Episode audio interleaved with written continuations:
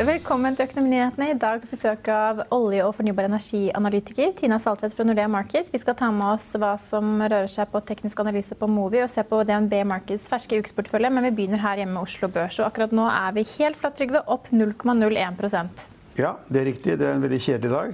Eh, få drivere, få selskapsnyheter. Det er liksom ingenting som kan endre markedet noe særlig.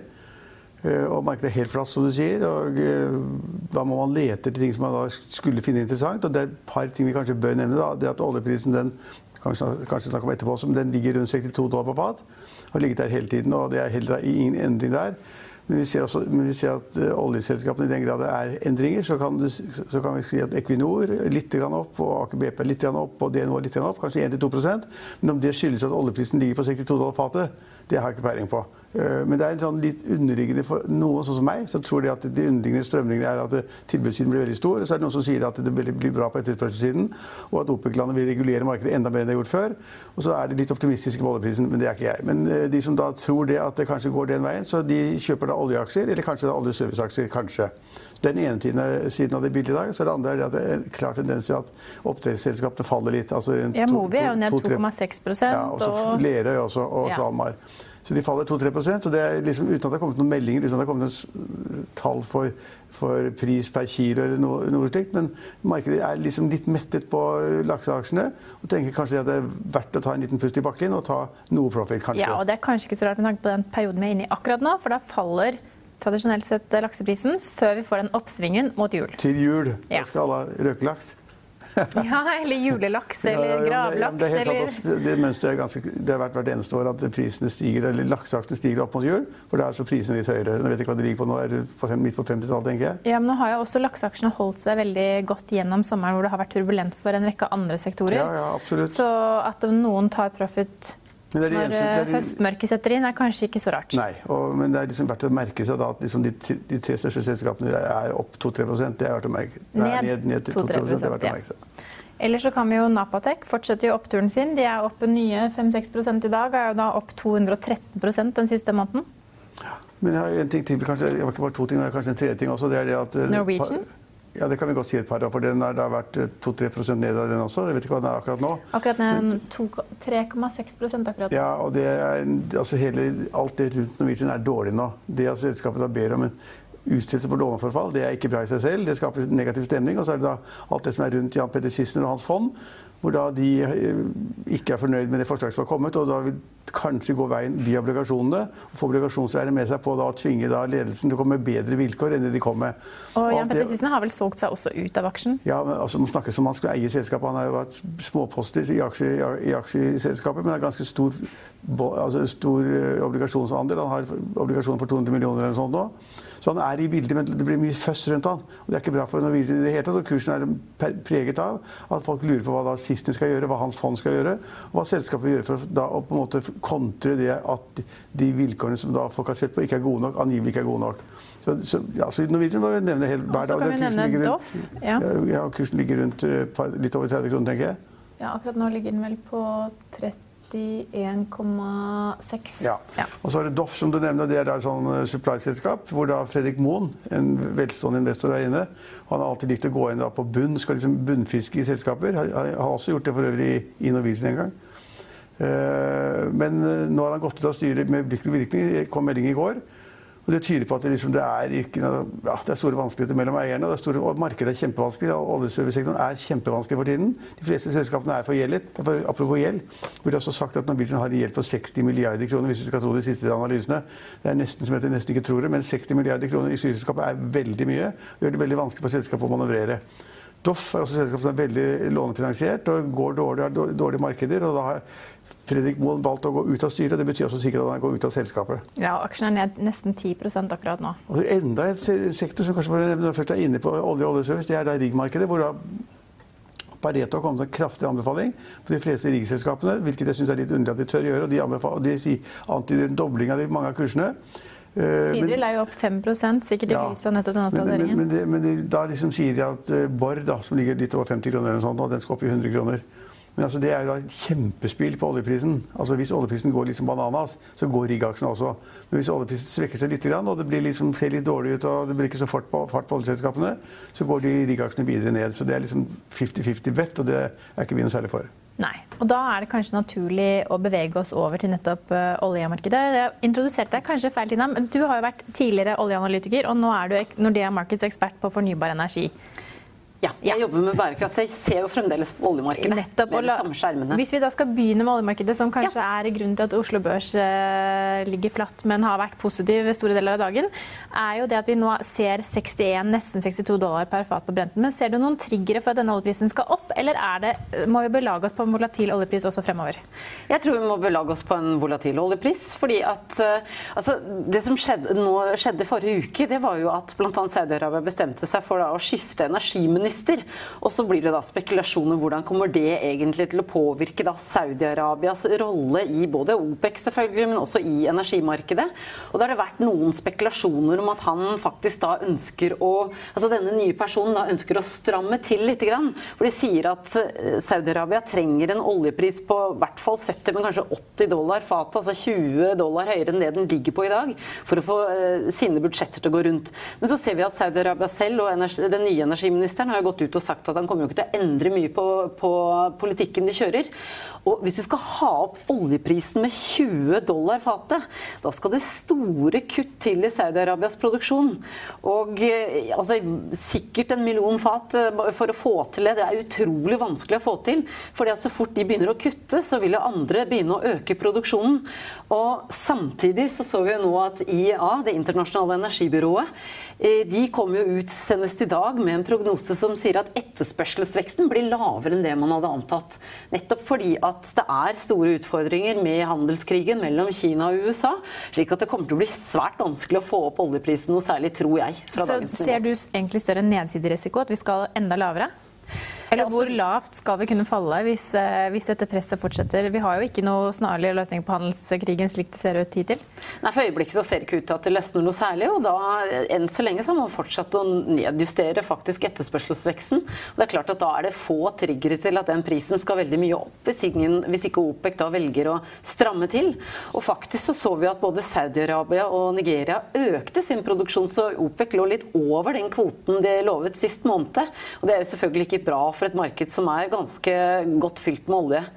Og fremdeles så går det jo um, altså Amerikansk skiferoljeproduksjon den fortsetter å øke, så det er jo ikke mangel på olje i markedet i dag.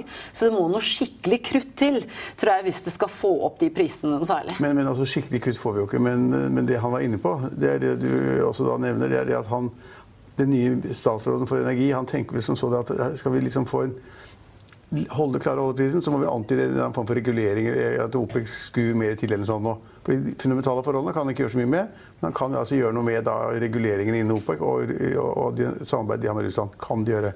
Jeg tror at indikasjonen kom på liksom, at man kan ikke utelukke at vi liksom strammer litt til på produksjonen. Kan tenkes. Det kan selvfølgelig tenkes, for de har jo disse halvårlige møtene sine som kommer mot jul igjen. Eh, men jeg tenker at det er litt begrensa på sikt også hvor mye de faktisk kan kutte. Ja, de, er, er, eh, ja, de, kutter, ja, de overrasket jo alle da de kuttet sist, og, og samarbeidet med Russland og andre. Definitivt. De, men, men, jeg tenker sånn på sikt at hvis man stadig skal kutte for å balansere nei, nei. markedet, og USA fortsetter å produsere så mye som så de gjør, så mister de jo markedsandeler. Og på et eller annet tidspunkt så vil de jo nå et bristepunkt for ja. hvor denne prisøkningen ikke kompenserer for volumøkningen, tenker jeg. Så, jeg, er enig, så... altså, jeg, ikke, jeg, tror ikke noe på en mye høyere oljepris. Tvert imot Derimot så tenderer det kanskje nedover, men eh, det vet vi ikke. Men hvis vi da skal se på de andre sektorene du dekker. vi har jo, Havvind har jo vært et hett tema i mediene, i hvert fall de siste ukene. Equinor var jo tidlig ute og skulle investere penger i havvindparker. Eh, nå får de også støtte fra Enova, 2,3 milliarder kroner. Betyr det at havvind har blitt mye mer sexy? ja, det kan man jo spørre om. Det har jo vært, altså jeg synes jo Debatten som har foregått i media, den dessverre skiller jo ikke veldig mye mellom om havvind faktisk er en god energikilde eller ei. Eh, for det er jo mye beliggenheten som har vært diskutert. Og det er klart at alle har ikke lyst til å ha den i bakgården sin, det er greit. Men at havvind da er en dårlig energikilde, det er en helt annen diskusjon. Havvind, jeg mener du da vindparker i sjøen, eller mener du noe annet? Ja, nei, altså vindkraft, unnskyld. Vindkraft, ja, ja, ja, unnskyld. Eh, fordi at det er jo beliggenheten som er viktig. Ja. Sånn at jeg syns at den debatten har, har, blitt Jeg liker ikke helt den debatten. Havvind er jo veldig spennende, tenker jeg. Og her er det jo snakk om flytende havvind, som mm. da Equinor har fått, fått, av disse midlene til å prøve å utvikle. For det man ønsker, er jo nettopp å, å teste ut da man kan få til flytende vindproduksjon da med å første omgang tilføre energi, grønn energi til da et par av oljefeltene Eh, eller oljeproduksjonen, slik at eh, man får testet ut det der. For det man ønsker, er jo å få opp størrelsen på dem, og få opp eh, produksjonen, skalaproduksjon, slik at kostnadene går enda lenger ned, slik at det kan bli konkurransedyktig. Men er det, er, produserer man havvind med, med, med overskudd eller fortjeneste nå? For øyeblikket... Eller er det bare subsidier hele greia? Nei, For øyeblikket gjør man jo ikke det. Eh, men eh, det begynner å komme seg. Altså, De første prosjektene har jo blitt vunnet eh, også uten subsidier, med oppstart rundt 2025.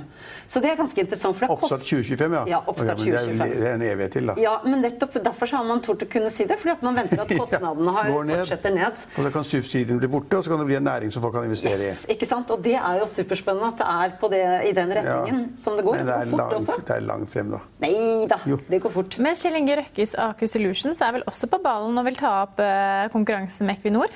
Ja, Det er spennende å se. fordi at her, eh, her har jo, altså Vi har jo snakket veldig mye om Equinor, og, og selvfølgelig har jo de vært tidlig på med å, å, foreslå det. Men nå ser vi også at Aker Solutions ønsker da å, å prøve eh, å starte et vind-offshore-prosjekt utenfor California. De blir jo mye større enn det da dette prosjektet til Equinor blir. og det er, Her snakker vi om oppstart i 2025 for også dette prosjektet. Så det skjer veldig mye på offshore vind-siden. Og, og, det er selvfølgelig veldig interessant for Norge. Eh, nettopp fordi at vi har jo en lang kyst. Fordi vi har mye vind eller mye sjø? Både òg, kanskje. Og Vestlandet har i hvert fall mye vind. Ja, Vestlandet har mye vind. Men, ja, men, men, men, men ja, eh, Bonheur og Fred Olsen de har jo en sånn anlegg i Skottland eller sånt, og produserer de vind i havet? Jeg kjenner ikke til i detalj de, de, de prosjektene de har.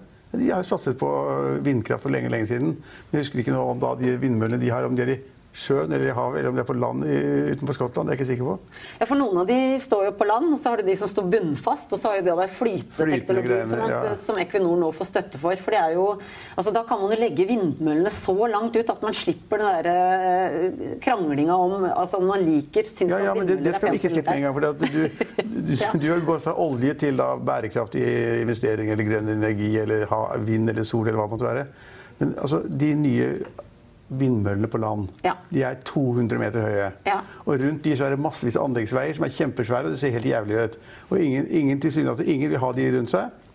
Så hva er ditt syn? Du som er oljeanalytiker, og du har havnet da på en alternativ siden. Skal vi ha disse svære vindparkene på land i Norge? I naturen? Altså, det der er jo en veldig politisk diskusjon også, men, Nei, ja, men ser man bort fra altså, Det som er interessant med det, tenker jeg altså, fordi at For det første, hvis vi ønsker å eksportere mer grønn energi til Europa, slik at Europa får tilgang på mer grønn energi, eller fornybar energi, så er det jo klart at da må vi nok kanskje ofre noen områder. Skal vi da ta norsk natur for å selge energi til Tyskland eller sånt? da? Vi gjør jo det allerede i dag med oljeproduksjon. Ja, ja Men ikke så... med 200 meter høye vindmøller? Nei, 200 meter oljeplattformer istedenfor. Ja, ja, ja, ja, det er, det er litt bedre, klart. Er det det? Og raffineriene er ikke noe penere, de? Jo, jo, jo fordi, fordi offshoreanleggene står ute i sjøen. langt Ja, men det gjør ikke raffineriene. Vi har et på Slagentangen hjemme der jeg kommer fra, og den tomta er faktisk ødelagt for nesten 100 år siden. Ja, det deg, men altså, det er ikke noe argument for å ødelegge flere områder i natur utover landet.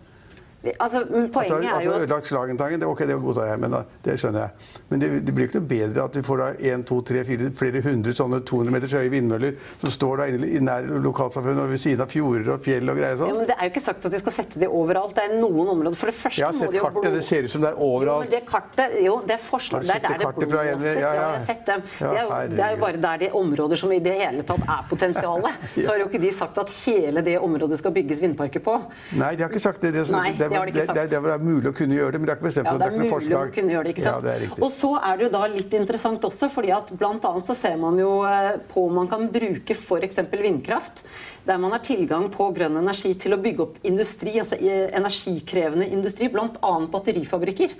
Uh, i, ja. i, tilhørighet til det. Og jeg tenker at altså Hvis man ser på helheten, så kan det være noen områder som faktisk eh, kan Men man tar jo masse av norsk natur. Er ikke du litt glad i naturen, da? Sykler du ikke mest, og du kjører ikke men, bil men altså, jeg synes spørsmålet blir ofte den diskusjonen blir litt spesiell også, for det er greit å bruke masse uberørt natur til å bygge masse hytter. Det også ødelegger jo naturen. Ja, men de er er ikke 200 liksom. meter høye, da, vet du. Nei, men altså, her er det jo snakk om å sette 200 meter ja, rundt sånn- det opp også på steder hvor det ikke er nødvendigvis midt i utsikten Ja, til er ikke mye, altså, de fleste anleggene har kommet ganske nære folk og bebyggelser. Da. Noen av de har det, men det er klart at hvis det skaper arbeidsplasser, da er det jo også et Ok, Nå er jeg veldig skuffet over deg. Nei.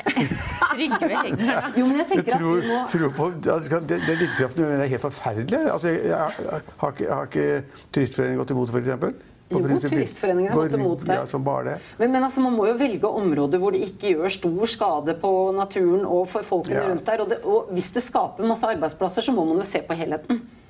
Og det er interessant. Arbeidsplasser. Altså fire mann i tre måneder. Og så, Nei, ikke hvis du ikke på selve produksjonen av dem. den. så er det Men hvis litt ser- veier, jo, er men det Hvis man kan bygge opp en batterifabrikk ved siden av, som faktisk gir store altså, Hele verden skal jo bygge I'll see you in court. Vi sier det ofte litt på spøk, men for deg som driver business, er det aldri moro å innse at du ikke har laget en 100% gyldig kontrakt. Du bør ikke risikere hele firmaet ditt fordi du synes dette med kontrakter er litt stress. En avtale er ikke en avtale. Du kan miste kunder, miste venner, ja, til og med miste inntekter om du ikke lager en skikkelig kontrakt, på alt mulig, egentlig. Men vi vet det er et styr. Kopimaskiner, treg printer og haugevis av papir. Dessuten stoler vi jo på folk her i landet. Det er ofte litt kleint å skulle be om en signatur for alt mulig, ja, for mye av styret handler også om jakten på underskriften. Det finnes en enkel måte å løse dette på, Dukkobit, en trygg, effektiv og get this, gratis måte å sikre seg en god natts søvn pluss en juridisk bindende avtale. Dukkobit-appen har de strengeste sikkerhetskrav i bunn, samt en EU-godkjent og sertifisert teknologi. Framover vil det bli behagelig å spørre du, skal vi skrive under på det, eller? Kom i gang på dukkobit.no. batterifabrikker, skal det ikke det? Man må jo kunne konkurrere med Kina, og det kan vi jo gjøre fordi at vi har mye tilgang til grønn energi. Kina har det stikk motsatte. slik at hvis man da får kalkulert inn altså dette med Men du er, men du er, du er jo du er energiekspert. Da har ikke vi i Norge nok energi egentlig? Altså, nesten all strøm i Norge, 98% lages jo av vannkraft. Ja, men vi vi selger nok- jo den. Ja, det er akkurat, men vi har nok til å dekke våre behov i hvert Ja, fall. men vi selger jo den. Ja, vi kan selge den i utlandet. Og så importerer vi jo utenlandsk energi Ja, som ikke er grønn. Av og til, frem og ja, tilbake. ja, ja, det, det stemmer, men, men Ja. vi selger den jo. Og det er jo ønske om å selge enda mer grønn energi. Ja, vi- hvorfor det? Vi, vi selger jo, altså vi bruker jo omtrent ingenting av gassen vår, og, hvert, og veldig lite av oljen vår. Vi selger jo mesteparten Ja, ja, ja, ja. Så det her er det jo snakk Ja, om men hvorfor da lage nye fossefall og ødelegge natur for å få Det har vi gjort for lenge skal, som skal siden, selge til elver utlandet? Ja, men Trygve, ikke mer.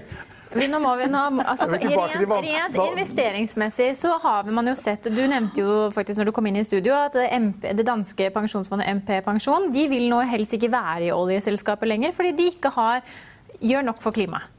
Nei, og det stemmer. De har da valgt sagt at de ønsker å selge seg ut av de ti største oljeselskapene i verden.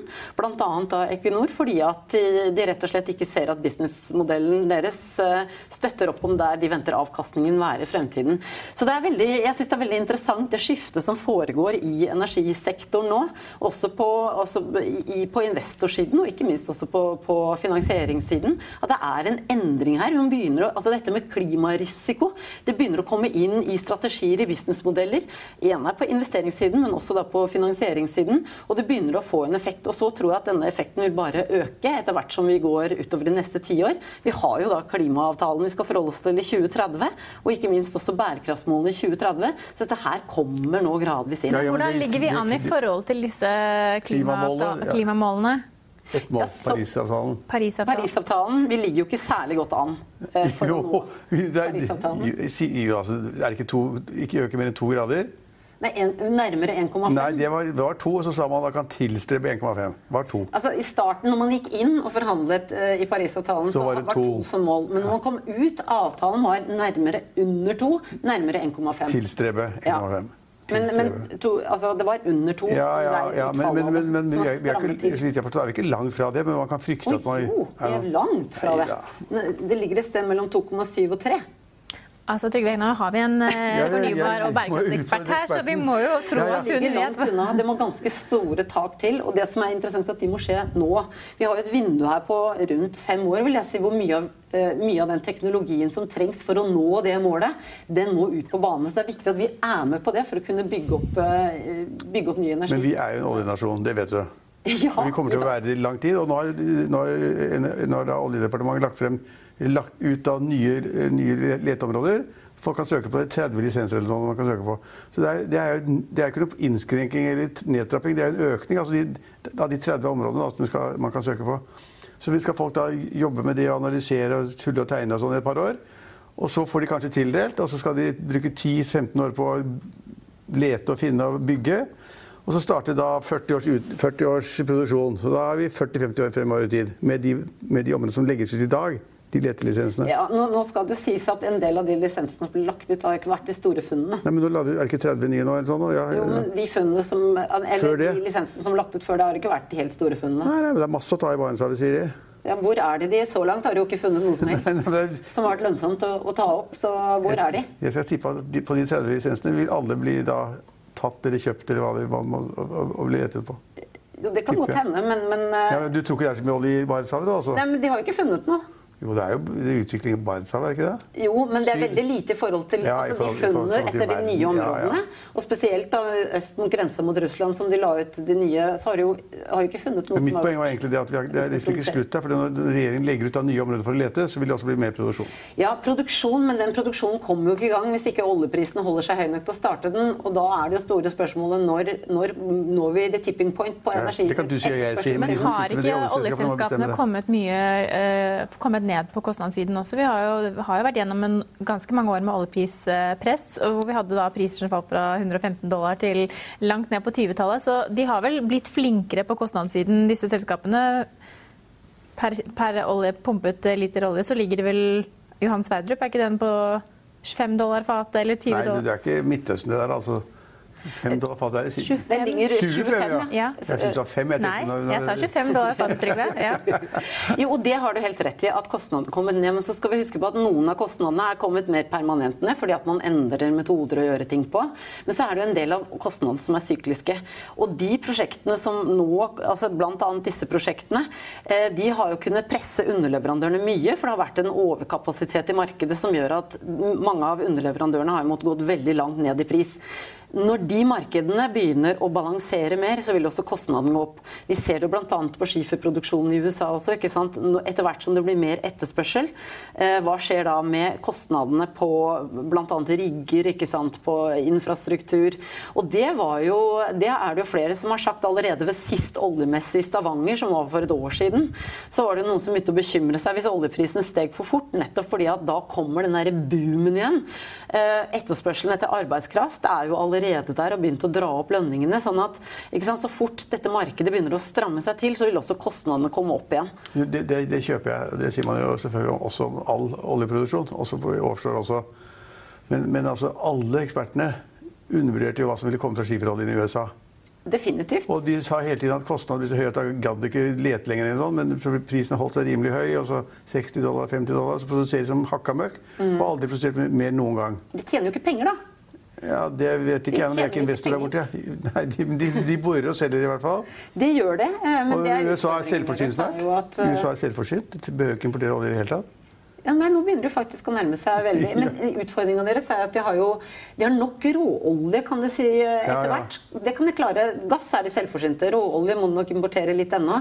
Men problemet deres er at det er ikke riktig type olje til at raffineriene kan raffinere dem. Det er et godt poeng. Sånn at, men, men, men, eh, alle undervurderte produksjonskapasiteten og volumet de vil komme med. og helt, definitivt. definitivt. Og det er jo fremdeles OPECs problem fremover.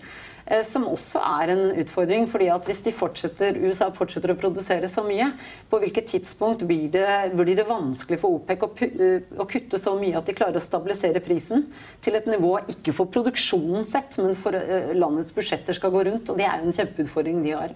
Og så, la oss hoppe til et helt annet tema, for vi har tidligere vært inne på det. men altså hva som skjer i, i, i eh, India eller Kina med biler osv.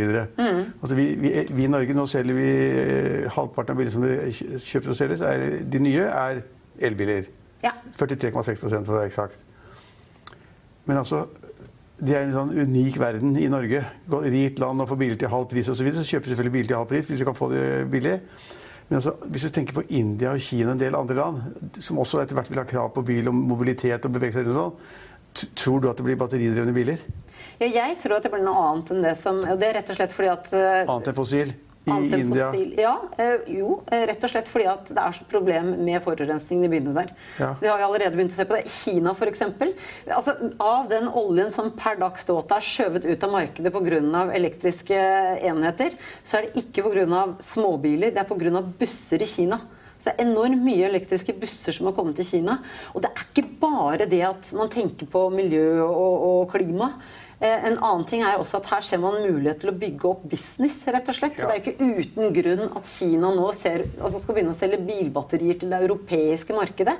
Fordi at man også ønsker industrivekst. Men, er, men, havet mellom elbiler og fossilbiler er jo så enormt stort. Altså, hvor mange biler er i Norge, vet du, Eline? Nei, det vet jeg ikke. Privatbiler? Dessverre. Ikke vet jeg, Er det et par millioner eller noe sånt? Ja, det er sikkert det. Og vi er verdens fremste sånn elbilland, og da er det et par millioner personbiler. Men Hvor, Hvorav disse så er kanskje mange, mange elbiler har solgt? 100 000 eller 50 000? Eller? Nei, det husker jeg ikke. Det er i hvert fall mer enn 50 000. Ja. ja. ja, ja, men det er ingenting mot totalen. Og hvis du går til India eller Kina, så er jo da elbilmarkedet sånn, og så er da fossilmarkedet sånn. Og, og... Ja, men sånn som De kinesiske bilprodusentene de har, de har krav på seg at en viss andel nå må være eh, elbiler, rett og slett for å få det i gang. Eh, og så er det jo, ikke sant når, altså, tingen er jo, og Der har jo Norge bidratt med de støtteordningene de har. For her har jo elbilprodusentene nå fått mulighet til å teste både rekkevidde og batteri. Og så fått ned kostnadene, slik at man nå kan begynne å produsere små enheter som faktisk kan selges i Kina, i India, nettopp i mye større skala. Så her har jo Norge bidratt, selv om altså, at Norge skifter til elbil. er helt enig med deg, det er ikke det som redder verden. Nei, er... men, men, at man får muligheten til å gjøre det, jo, gjør jo at man ja, får elbiler ut på markedet mye ja, raskere. Ja, men vi lurer oss selv hele tiden. Altså, det er jo svære, svære, svære, flotte biler som koster en million eller sånt, og de, de får da fritak for masse avgifter, så kan de gå 20 km på el. Så de, kan gå lenger enn det. De går 20 ja, det er en ganske mange elbiler som kommer seg lenger enn 20 km. Etter hvert nå så er det ikke sånn. Det er ikke de svære Teslaene, det er de små bilene som er viktig. Ja, ja, det er enig. Og der er jo der vi begynner å nå det, om ikke lenger det breaking pointet der også. ikke sant? At man kan produsere bilene uten den støtten. Og det er jo da du virkelig har den der eksponentielle effekten. Foreløpig så holder vi oss til hybridbiler som er gå 20 km eller sånn. ja, vi går lenger enn 20 km. ikke, ikke, på el, nei da. Men du er jo mye. Tina, du er jo mye rundt og reiser. Hvilken sektor er det innenfor fornybar energi som er hetest blant investorene, hvis vi da ser bort fra olje? Er det, liksom, er det vind? Er det solkraft? Altså, hvor er det man ser størst interesse? Fra investor, investorenes altså, Egentlig så, sånn, sånn, sett så har det jo vært vanskelig å finne prosjekter i sin helhet. Eh, for det er ikke så mange av de ennå. Men uh, altså, jeg, jeg, må helt ærlig innrømme at jeg følger ikke så mye med på jeg kan akkurat deg. Ja, takk. Solparker tjener penger. Norske interessenter som startet opp. Bygger sånne kjempeparker. Skatek Solar, kanskje? Ja, ja. i kjempe, altså enorme områder med sånne solgreier.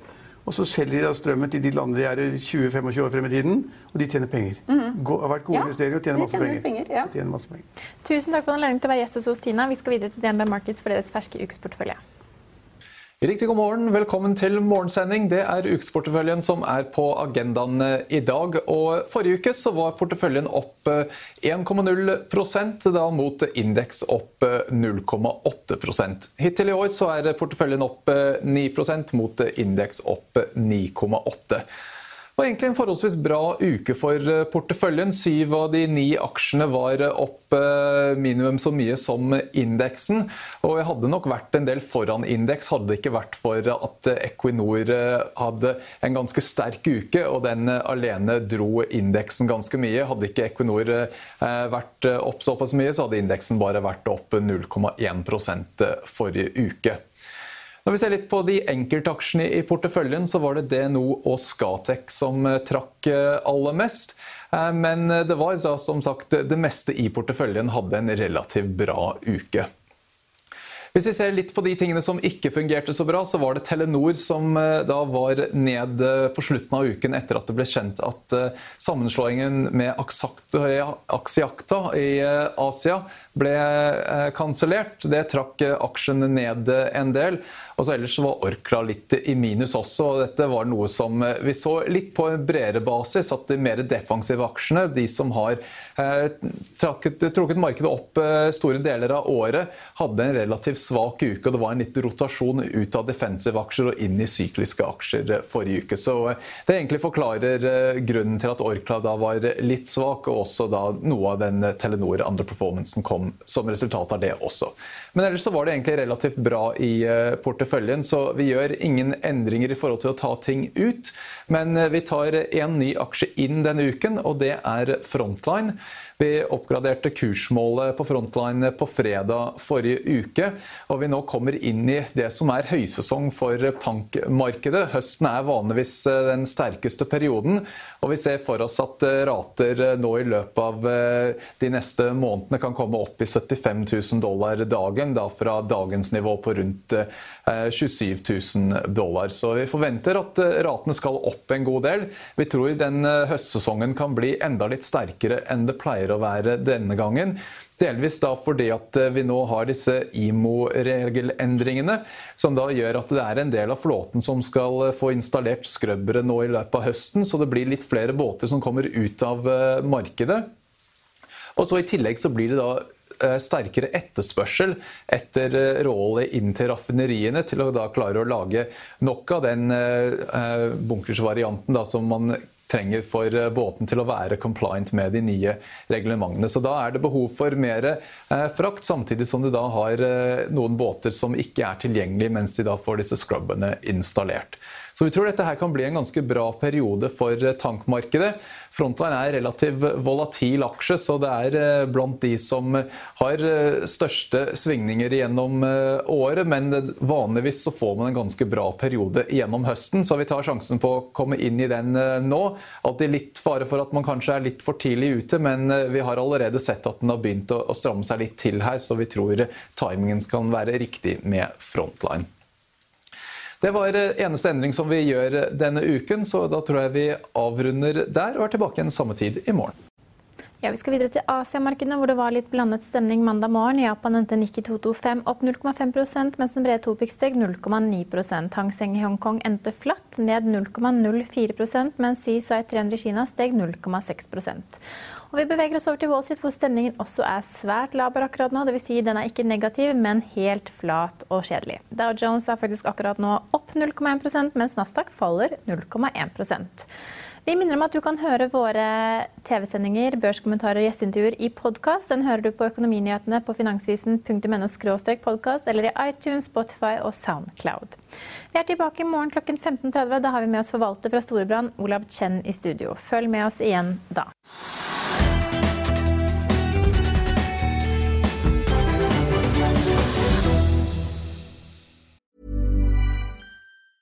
Hi, I'm Daniel, founder of Pretty Litter. Did you know cats tend to hide symptoms of sickness and pain? I learned this the hard way after losing my cat, Gingy. So I created Pretty Litter, a health monitoring litter that helps detect early signs of illness by changing colors, saving you money and potentially your cat's life. Pretty Litter is veterinarian developed, and it's the easiest way to keep tabs on your fur baby's health right at home. Go to prettylitter.com and use code ACAST for 20% off your first order and a free cat toy. Terms and conditions apply. See site for details. Even when we're on a budget, we still deserve nice things. Quince is a place to scoop up stunning high end goods for 50 to 80% less than similar brands. They have buttery soft cashmere sweaters starting at $50, luxurious Italian leather bags, and so much more. Plus, Quince only works with factories that use safe, ethical, and responsible manufacturing. Get the high-end goods you'll love without the high price tag with Quince. Go to quince.com/style for free shipping and 365-day returns. Økonominyhetene er en podkast fra Finansavisen. Programledere er Marius Lorentzen, Stein Ove Haugen og Benedikte Storm Bamvik. Produsenter er Lars Brenden Skram og Bashar Johar. Og ansvarlig redaktør er Trygve Hegnar.